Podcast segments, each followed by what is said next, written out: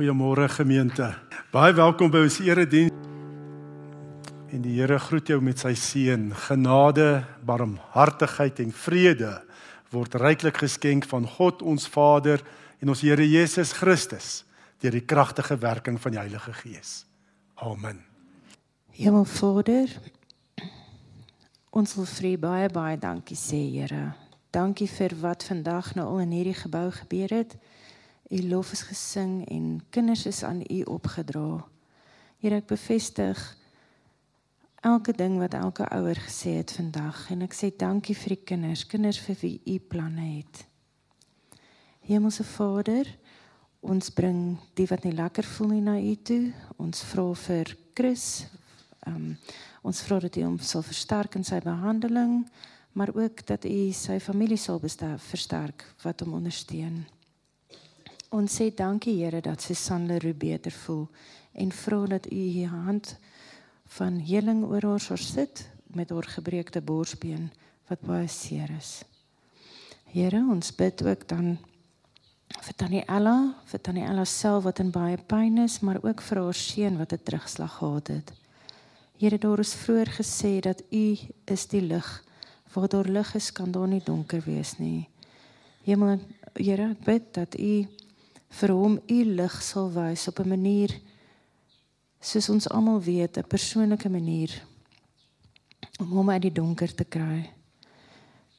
Ja, en ons sê dankie ook vir die mense wat vir jaar vir Jonathan en Roan Here, en ons bid dat dit 'n goeie jaar vir hulle sal wees. Ons bid ook vir almal wat eksamens skryf, kinders, ehm um, studente, almal. Dankie Here. Dankie dat U by hulle is en dat U vir hulle rustigheid gee. Ons bid ook vir die nagmaal dat alles volgens U wil sal gaan en ons vra dit in Jesus se naam. Amen. Die skriflesing kom uit Kolossense 2. Kolossense 2. Ons lees vers 6 tot vers 15. En ehm um, ons fokus is op vers 13. Ons het laas Sondag gefokus op vers 14, maar ons gaan nou fokus op vers 13. Ehm um, Kolossense 2 vers 6 tot vers 15 gaan ek lees.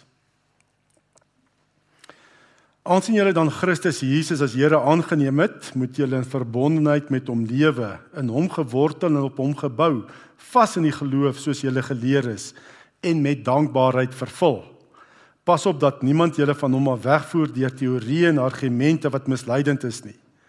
Dit is dinge wat berus op die oorlewering van mense op wettiese godsdienstige reëls en nie op Christus nie.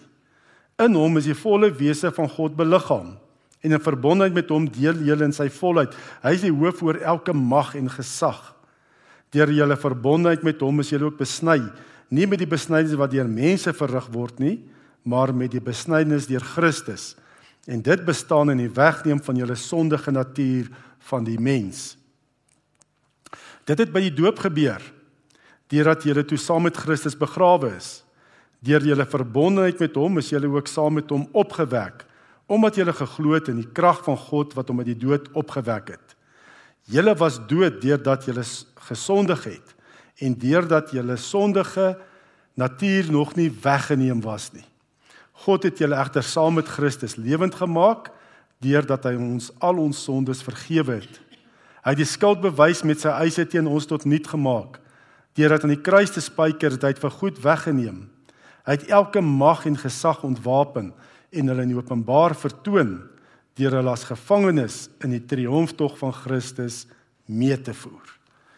Vers 13 Julle was dood deurdat julle gesondig het en deurdat julle sondige natuur nog nie weggeneem was nie.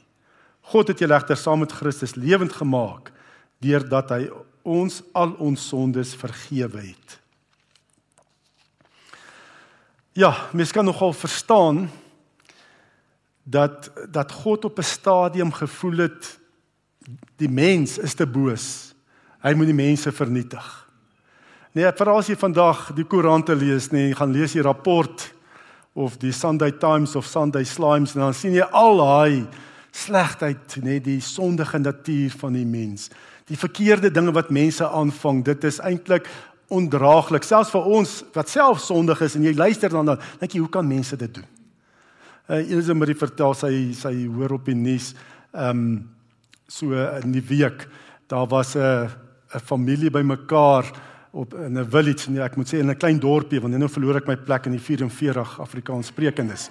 Ehm um, nee nee in 'n klein dorpie ehm um, was daar 'n familie bymekaar om die afsterwe van 'n familielid te rou. Net oor te rou. En daar kom toe ouens in met gewere en skiet sewe van daai familielede dood want hulle soek 50000 rand wat uitbetaal is vir hierdie begrafnis. Hoe kan 'n mens, jy weet, dit dit raak net. Ek kan dink, nee God wat heilig is, wat sonder sonde is, dit my so kan ontstel. Hoe moet God daaroor voel? Net die die die sondigheid, die korruptheid van die mens.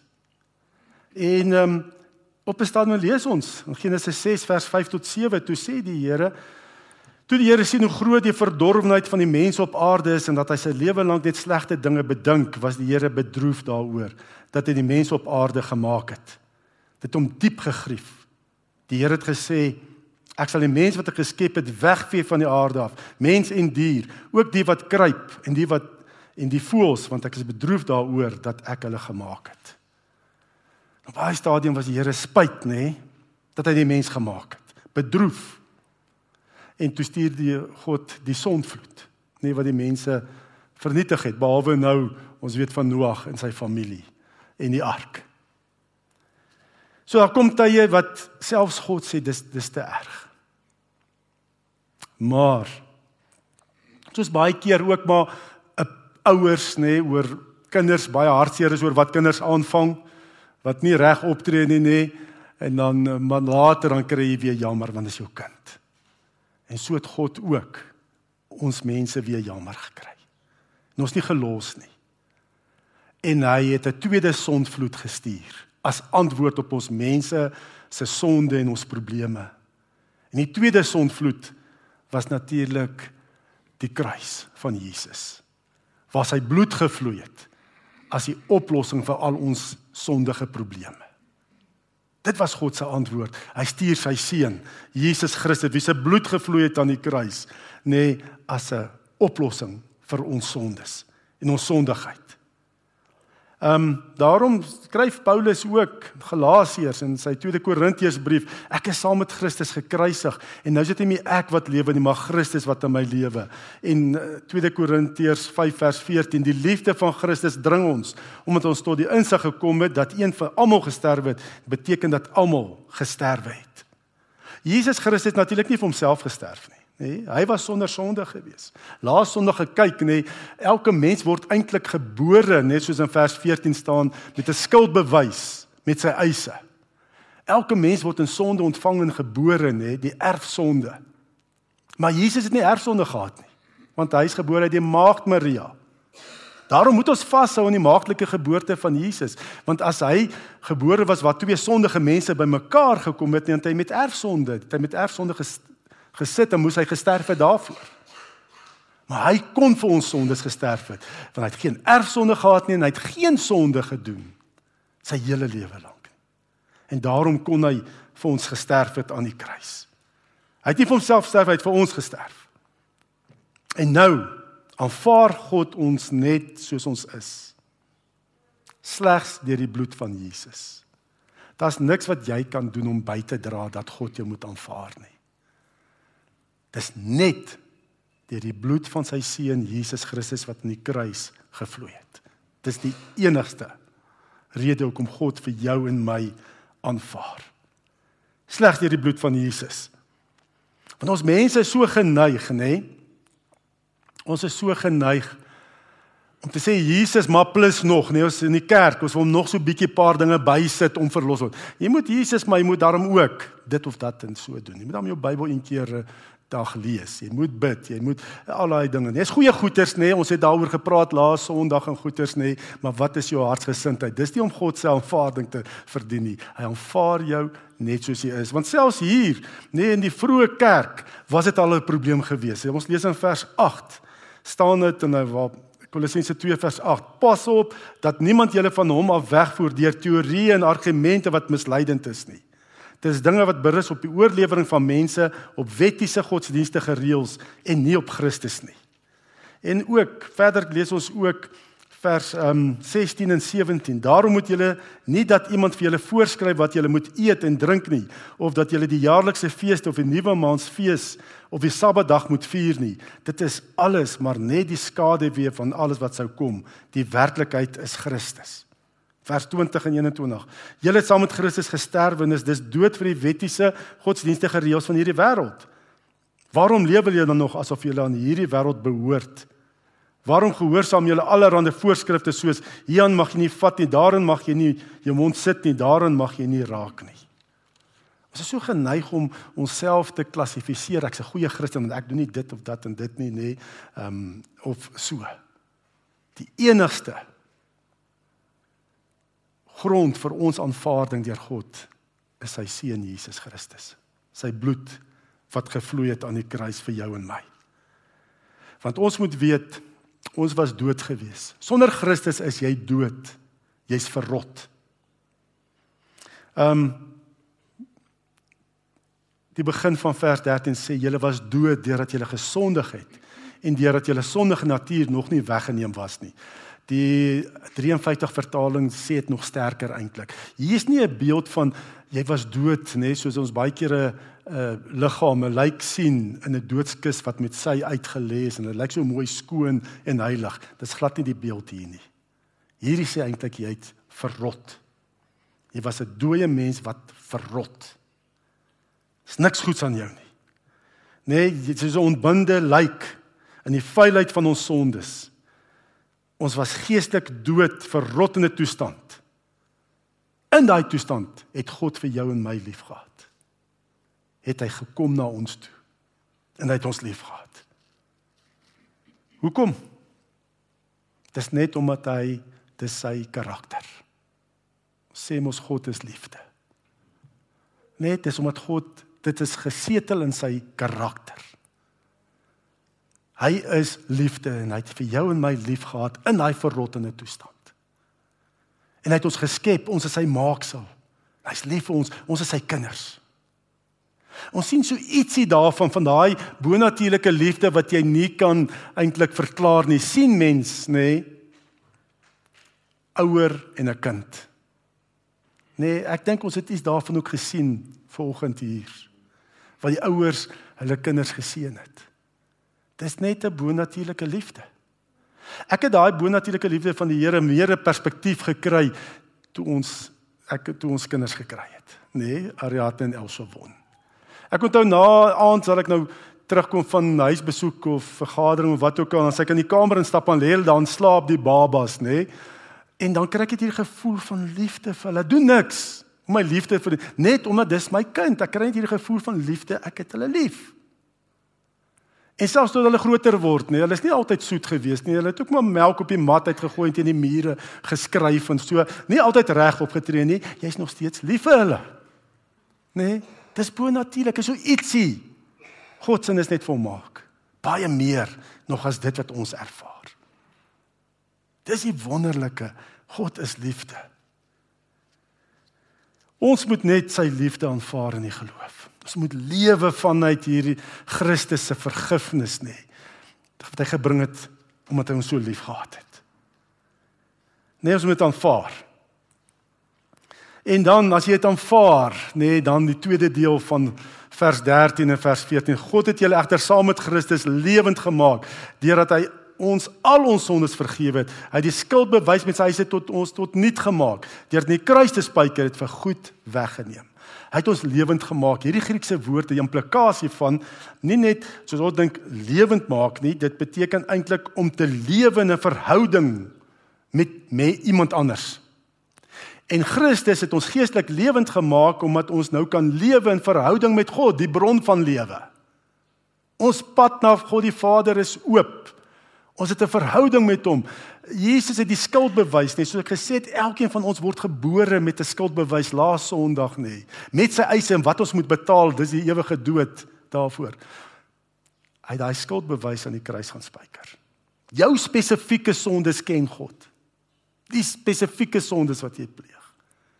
En Jesus laai Al hy sondes wat so gelys is, net Jesus, nê, soos wat in 'n tronksel daai lysou aan 'n veroordeelde aan sy tronksel se deur vasgespijker is dit in die kruis gespijker. Met ook die vonnis waar Jesus gesê dit is volbring. Ja, die band met God is herstel deur die bloed van Jesus. Ons lewe in 'n verhouding met ons hemelse Vader. En ehm um, as ons as as die Here hier sê deur Paulus nê, uit al ons sondes vergewe, dan's hierdie al baie meer as ons al. God se alles is baie meer as ons alles. As ons gewoonlik sê broer ek vergewe alles wat jy aan my gedoen het. Wat bedoel ons daarmee? Ons praat eintlik van alles waarvan ek weet nee wat jy teen my gedoen het. En as ek môre uitvind jy jy nog dit ook gedoen, gaan ek na jou toe gaan en sê jy het nog dit ook gedoen. As jy, jy spyt daaroor, ja, okay, ek vergewe dit ook. Nee. God se alles is alles. Hy's alwetend. Hy ken alles. En ons alles is mos gewoonlik verlede, né? Dit wat jy gedoen het, maar as in die toekoms pas op, in die toekoms moet jy nou nie weer doen nie. God se alles is verlede waarvan hy alles weet. Daar's selfs sonde wat jy gepleeg het waarvan jy nie eens weet nie, maar God weet daarvan en dit is deel van sy alles. En ook alles in die toekoms. Soos alles. Alles wat nog in die toekoms, die sonde wat in die toekoms gaan pleeg, het God ook vergewe. aan sy seun Jesus Christus. Dit's 'n baie groter alles as ons alles. Né? Nee? God sien eintlik alles in die hede. Vir God sal eintlik nie toekoms en verlede nie. Hy's bo tyd. Hy sien alles nou. Hy sien die hele prentjie alles nou. En hy kan boeke balanseer aan die begin van die jaar, hoef te wag aan die einde van die jaar nie. Vooruit kan hy dit doen. Want God sê mos dit 1000 jaar soos een dag vir hom, nê. Nee. Hy is bo tyd. God het in die Bybelse tyd net vir die profete en so visioene gesien wat duisende jare vorentoe gaan gebeur. En selfs vir Johannes op Patmos wat aan die einde gaan gebeur. Nee, want God is verhewe bo tyd. Hy is nie gebonde aan tyd soos ons nie. Hy lewe in die perfekte hede. Ou Einstein het gesê Ja. Einstein het gesê as jy teen die spoed van lig kan beweeg. As jy teen die spoed van lig kan beweeg, kan jy nie voortdurend voortdurende hede leef. Nee, as jy so vinnig soos lig, ek weet nie wat daai kilometer maar is baie vinnig. As jy daar voor ons kan beweeg, kan jy heeltyd in die hede wees. En wie het lig geskape? God het lig geskape. Hy is die bron van lig. Hy het gesê laat daar lig wees. En daarom is God in die volmaakte hede. Hy weet alles nou vandag volgens ons vandag. Nee, hy alleen leef in die hede. Ons het eintlik net 'n verlede en 'n toekoms. Hoekom sê ek dit? As ek vir julle sê ek lewe in die hede, sodra ek hy woord hede gesê het, is dit klaar verlede. Ek het nie eintlik 'n hede nie. En ek het 'n verlede en 'n toekoms. Maar God leef in die volmaakte hede. As jy tyd kan stop, nê, nee, dan leef jy in die hede. Maar in ons dimensie van bestaan kan jy ons nie tyd stop nie. Maar God is bo dit. Hy is die skepper van lig. Hy leef in die volmaakte hede, die perfekte hede. En daarom as God homself openbaar, nê, nee, wat wat se naam toe toe Moses vra, hoor hierso, wie moet ek sê vir Israel die volk, wie is hy? Wat het hy gesê? Hy het gesê ek is, Nee, dit is hoe God homself openbaar. Eksodus 3 vers 14. Ek is wat ek is. Jy moet vir Israeliete sê ek is het my na julle toe gestuur. Ek is, nê? Nee? Want hy is nie perfekte hede. Los van tyd. Ek is. Ehm um, en dan nog sê Jesus ook. Want hy's ook God. Net voor sy hemelvaart sê hy beloof aan sy disippels sê en onthou ek is by julle al die dae tot die volëinding van die wêreld. Hy sê nie vir sy disippels ek sal met julle wees al die dae tot die volëinde nie. Nee, ek is. Want hy is nie perfekte Here. Hy's bo tyd en ruimte. God sien die hele prentjie nou. Maar dit is nou klaar verlede vir ons. Hy sien alles. Dis dit is 'n ander dimensie. En God het eintlik nie 'n toekoms en 'n verlede nie, want hy sien alles nou. Daarom omdat dit so is kon God al ons sondes aan sy seun gestraf het 2000 jaar terug. Omdat God verhewe is bo tyd en ruimte. Kon hy al jou sondes alles wat jy al gepleeg het waarvan jy nie eers weet nie wat jy nou pleeg wat in die toekoms gaan pleeg. Elke sonde persoonlik het God gevat, daai lys wat jy gepleeg het en wat ek gepleeg het. Daai spesifieke sonde het God gevat en as 'n skuldbewys aan die kruis gaan spyker. So God het nie net algemeen vir al die sondes van die wêreld nie, hy het daai sondes van jou spesifiek gevat. Ook wat jy tot jy eendag hemel toe gaan. Dit tot daai tyd het hy aan die kruis gespijker en gestraf aan sy seun Jesus Christus. Verstaan jy hoe volmaak is God se vergifnis? Dat hy al ons sondes vergewe. Dis volmaak. Daar's niks wat ek en jy kan bydra nie. Dis net God. Ja. Omvaar net die bloed van Jesus in die geloof. Daar's geen prestasies van ons kant af nie. En nou kan ek myself ook aanvaar in die bloed van Jesus Christus. Jesus Christus se bloed is genoeg. Daar's niks verder nodig nie. Want God ken al ons sondes. As jy dink ehm um, tjoe, as jy dalk op hierdie stadium hier sit en voel maar Ek kan myself nie vergeef vir dit wat ek gedoen het nie. Hoe kon ek dit gedoen het? Dit is iets verskrikliks wat ek gedoen het. Dan kom die Here en sê, "Weet wat, jy's eintlik nog boser as wat jy self dink." Daar's nog meer sondes en erger sondes wat jy nie van weet nie, nê, wat ek van weet want ek is alwetend. So as jy dink jy's so sleg, jy's eintlik nog slegter. As jy dink jy daai sondes, jy nog baie meer. En daarom as ek jou kan aanvaar, en sê ek het dit gestraf aan die aan die kruis van my seun Jesus Christus nê dan kan jy maar jouself ook aanvaar. Dan kan jy maar jouself ook vergewe. En daar's geen sonde in die toekoms nê waarmee jy God gaan verras en sê ooh ek nie weet hy gaan nog dit ook doen nie. God is boetyd jou lewe is heeltyd van begin tot einde alfa omega is so voor hom hy sien dit nou wat ons verlede is, maar God nie perfekte hede. Jy kan nie die Here verras nie.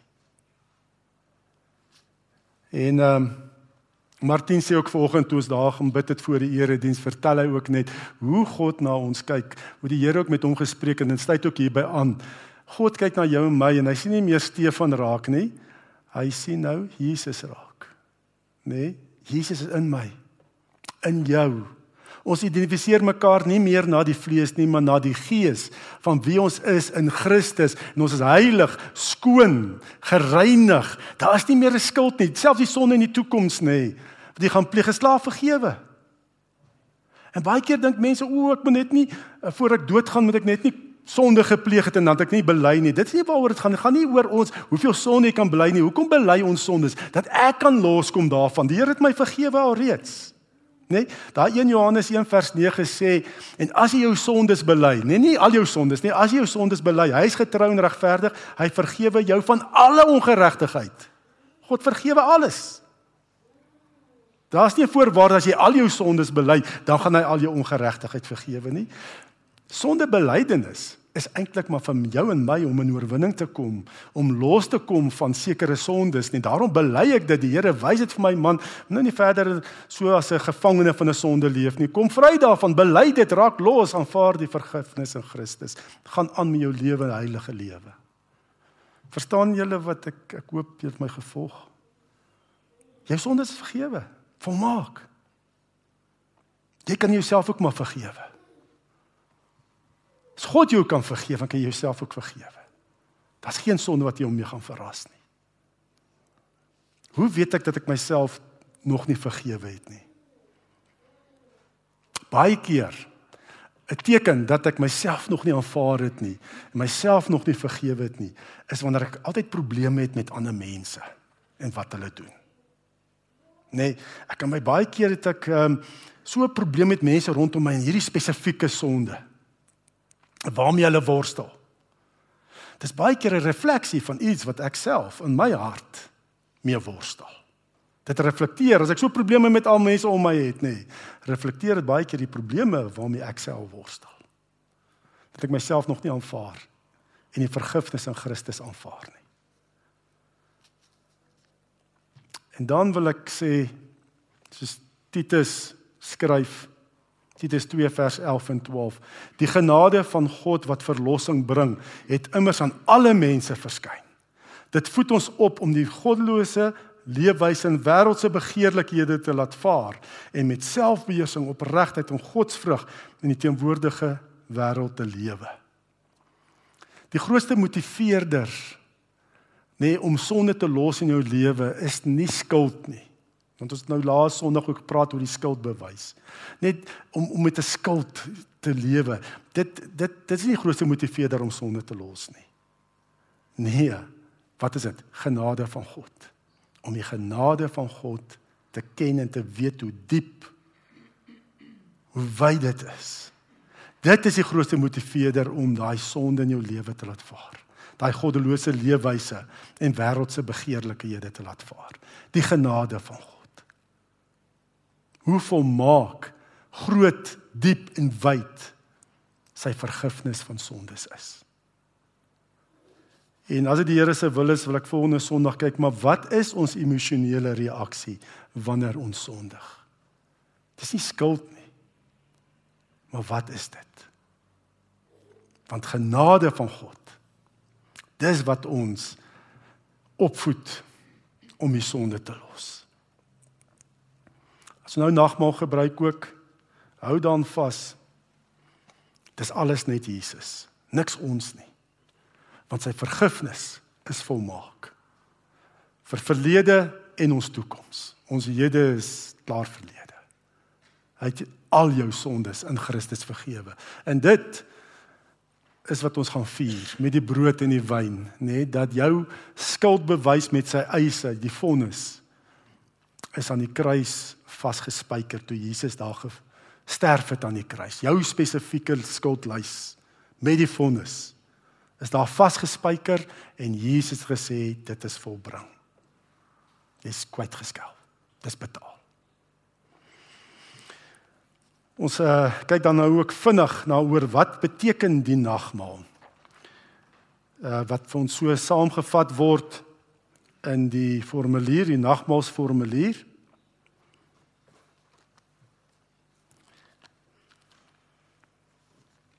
Nou Paulus in sy 1 Korintiërs 11 brief praat hy ook oor die nagmaal. En hy skryf hy sê ek het van die Here ontvang wat ek ook aan julle oorgelewer het dat die Here Jesus in die nag waarin hy verraai is brood geneem het en nadat hy gedank het het hy dit gebreek en gesê neem eet dit is my liggaam wat vir julle gebreek word. Doen dit tot my gedagtenis. Net so ook die beker na die ete met die woorde hierdie beker is die nuwe testament in my bloed. Doen dit so dikwels julle daaruit drink tot my gedagtenis Want so dikwels as jy hierdie brood eet en hierdie beker drink, verkondig jy die dood van die Here totdat hy kom. Wie dan op 'n onwaardige wyse hierdie brood eet of die beker van die Here drink, sal skuldig wees aan die liggaam en bloed van die Here. Maar die mens moet homself beproef en so van die brood eet en uit die beker drink. So om die nagmaal ehm um, te gebruik tot eer van die Here en tot opbou van jou geloof, moet jy jouself voorberei vir die nagmaal. Nee, jy moet jouself ondersoek.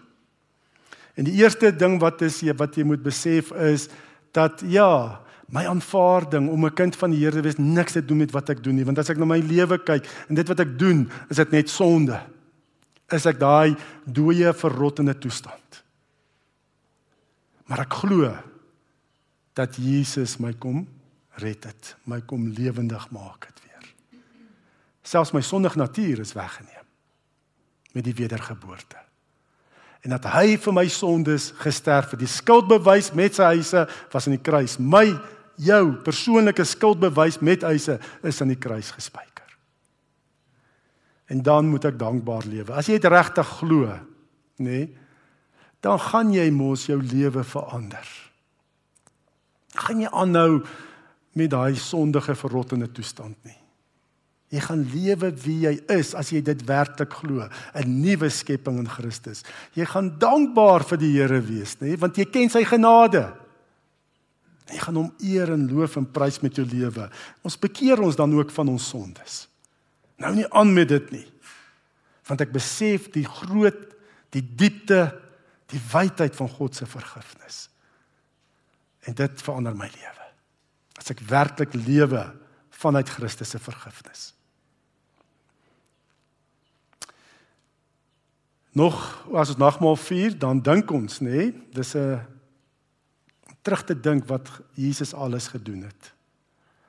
Hoe hy daar betaal het vir elke sonde, selfs die wat jy nie eers van weet nie, wat jy gepleeg het en ook gaan pleeg. Nee, ehm um, ja, hy het die helse pyn en bange God verlatenheid gelei toe uitgeroep het, nê. Hy daai vonnis het hy gedra. Daai ewige dood het hy gesterf daar. Daai geestelike dood om ons te red. So het hy 'n helse pyn en smart en bange God verlatenheid gelei toe uitgeroep het, "My God, my God, waarom het U my verlaat?" Net dis die dooie toestand om nie 'n verhouding te hê met God die Vader nie. Sodat ons nooit meer deur God verlaat sou word nie. Eindelik het hy met sy dood en bloedstorting die ewige genade verbond bekragtig met die woorde dit is volbring. En ook as ons nagmaal vier, beteken dit ons is een liggaam. Ons is een geloofsfamilie hier saam. So as jy nagmaal vier dan sê ons is regtig nie geuite terme broers en susters, ons is regtig broeders en susters, broers en susters van mekaar. En dan kan jy nie meer 'n wrok hier so in jou hart hê van een van ons wat hier sit nie, nê? Nee? Dan moet ons dit ook wegvat. Ons is een, soos een brood gebreek word, is daar eenheid tussen ons almal. Kom ons vra dat die Here ook die nagmaal sal seën. Kom ons bid saam. Here ons dankie dat ons ook vanoggend met die nagmaal kan herdenk dat al ons sondes is vergewe dit wat ons al gepleeg het, dit wat ons gaan pleeg, Here, alles want die skuldbewys met sy eise is vasgespijker van elkeen van ons wat hier is aan die kruis. En Jesus het op die einde met sy bloed oor daai skuldbewys en eise geskryf. Dit is volbring. Dit is betaal. Dit is klaar. Dankie daarvoor, Here. Dankie dat ons kan lewe nou vanuit hierdie vergifnis in Christus. En Here Heilige Gees, kom as ons die brood eet en die wyn drink. Kom versterk ons geloof. Dat ons net meer en meer sal lewe vir ons wie ons is in Christus. Lewe vanuit die vergifnis in Christus. Dat ons hier sal weggaan in eenheid. Maar ook Here sal gaan lewe om U naam te verheerlik.